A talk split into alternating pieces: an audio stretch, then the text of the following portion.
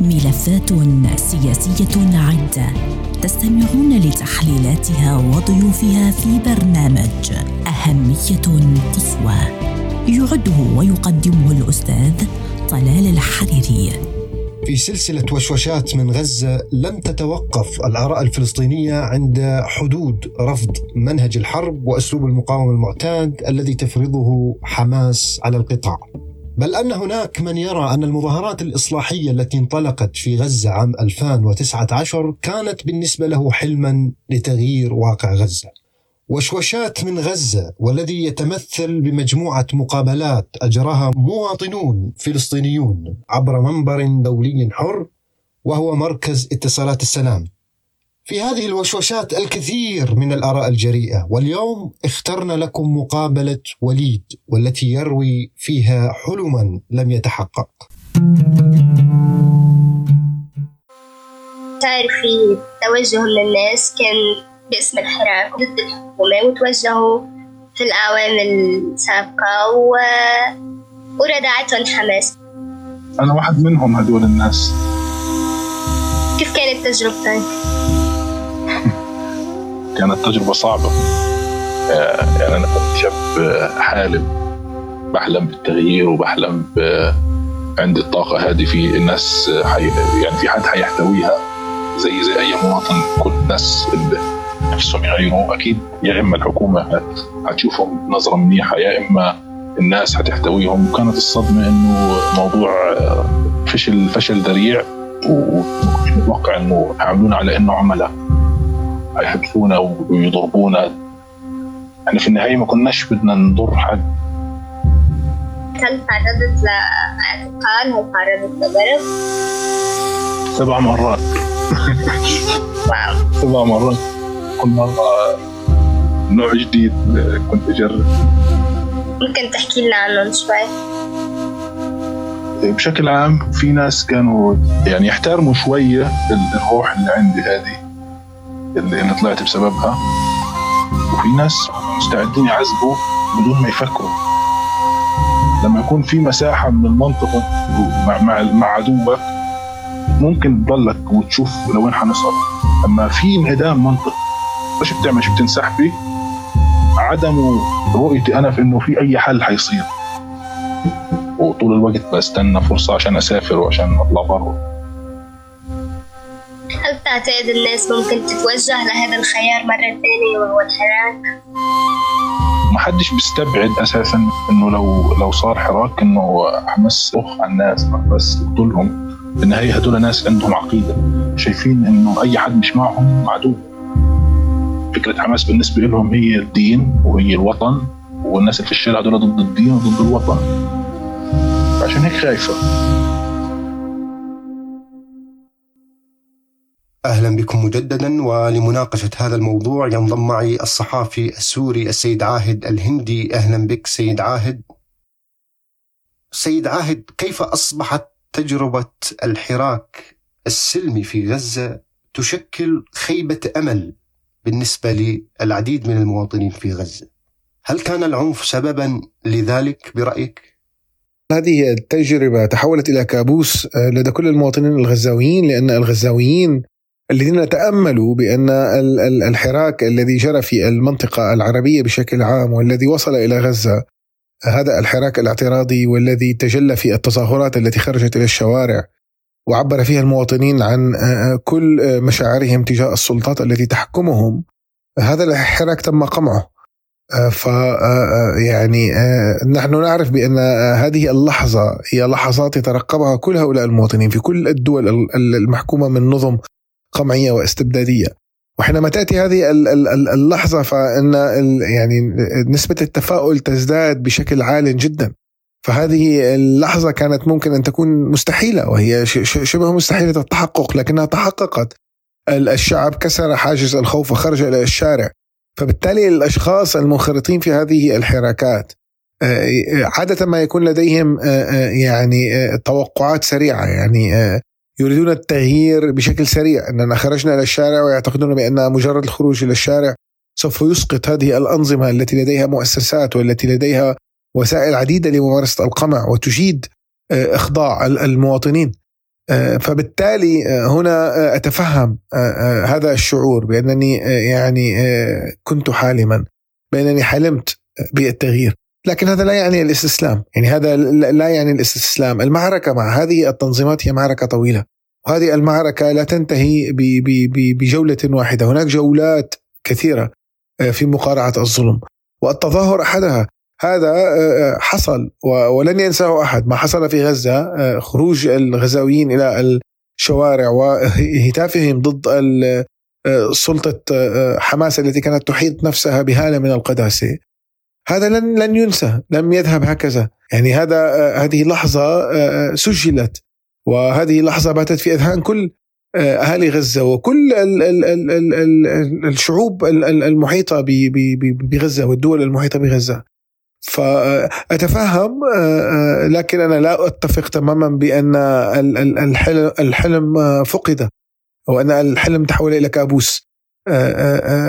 لأن برأيي الحلم بدأ يتحقق. الشارع تجرأ على الخروج والجولة الأولى لم يتمكن الشارع من قلب سلطة حماس لكن ضعضع هذه السلطة. وسيكون هناك جولات كثيرة وفي نهاية المطاف فإن يعني إرادة الشعوب هي من تنتصر.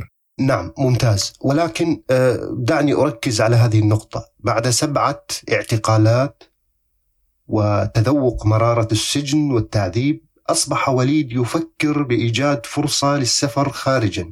ما الذي يدفع شباب غزة لليأس والتفكير بالهجرة سيد عاهد؟ فكرة السفر آه، هي فكرة آه، ليست محصورة بغزة. ربما في غزة هي آه، يعني أكثر إلحاحا على الشعب الغزاوي بسبب واقع غزة كونها تحكم من قبل تنظيم حماس. وبكون غزة لا تشترك ليس لديها حدود بالحقيقة يعني مفتوحة آه، بشكل دائم. فبالتالي الشعب يشعر باختناق أكثر. هو يعيش تحت آه، سلطة حماس. هذه السلطة الاستبدادية القمعية.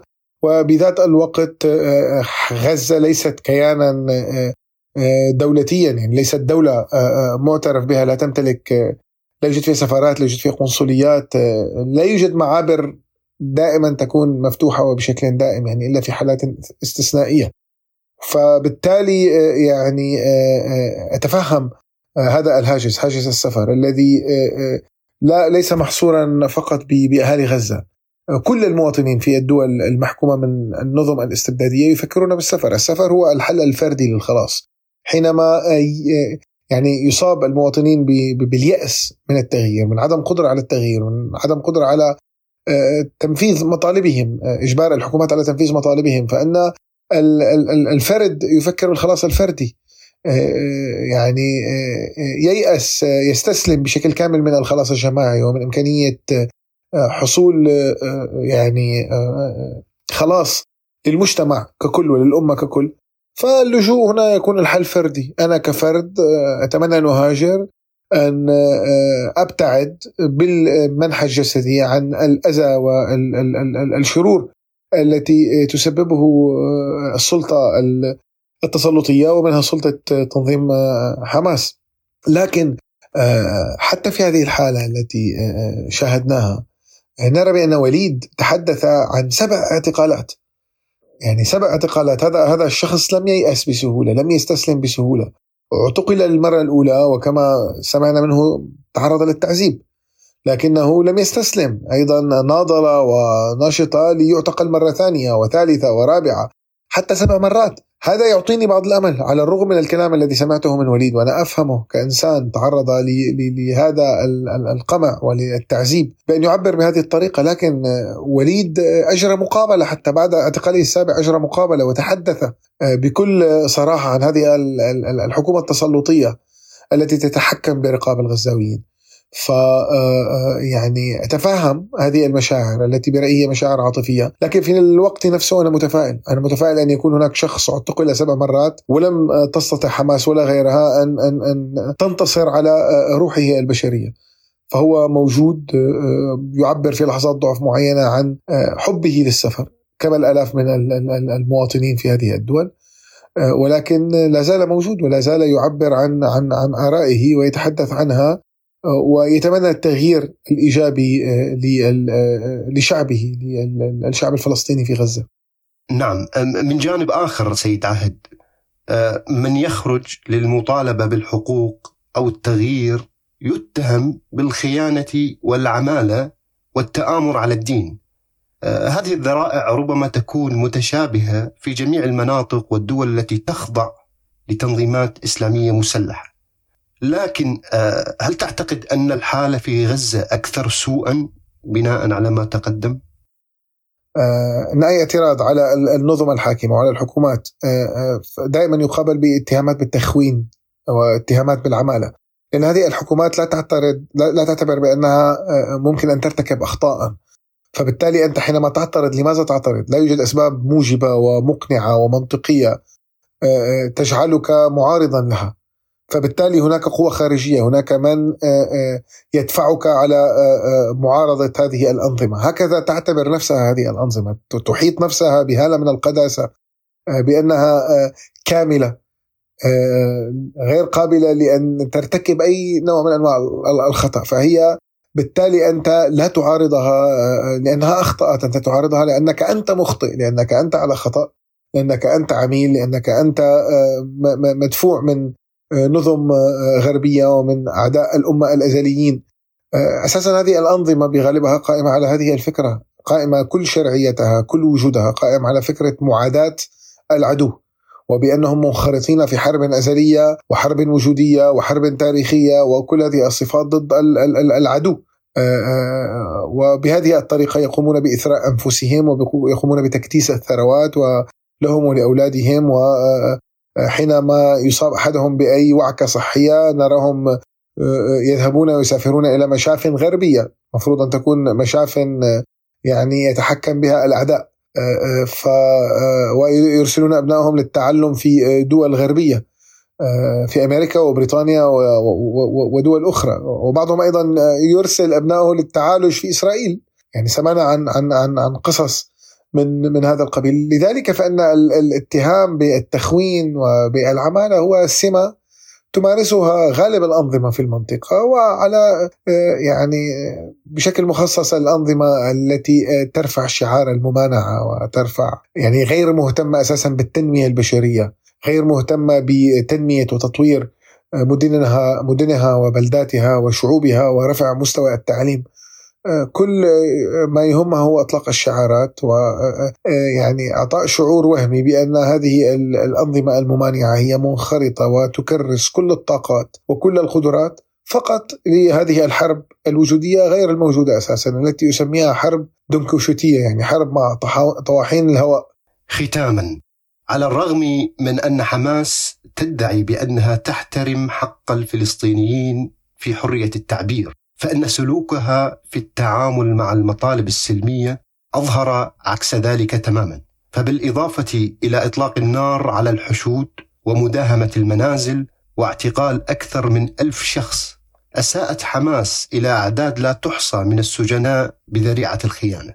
هذا السلوك بالنسبة لمنظمة إسلامية مسلحة قد لا يمثل جوهر المشكلة عند النظر بعمق إلى خيبة الأمل التي يشعر بها الفلسطينيين في غزة بسبب عدم تمييز وسائل الإعلام العربية بين دعم حماس ودعم الفلسطينيين الذين يعيشون تحت سيطرة حماس. وبالتالي لا أحد يسمع صوت الأغلبية في غزة. مستمعين الأكارم كان معكم الأستاذ طلال الحريري وبرنامج أهمية قصوى.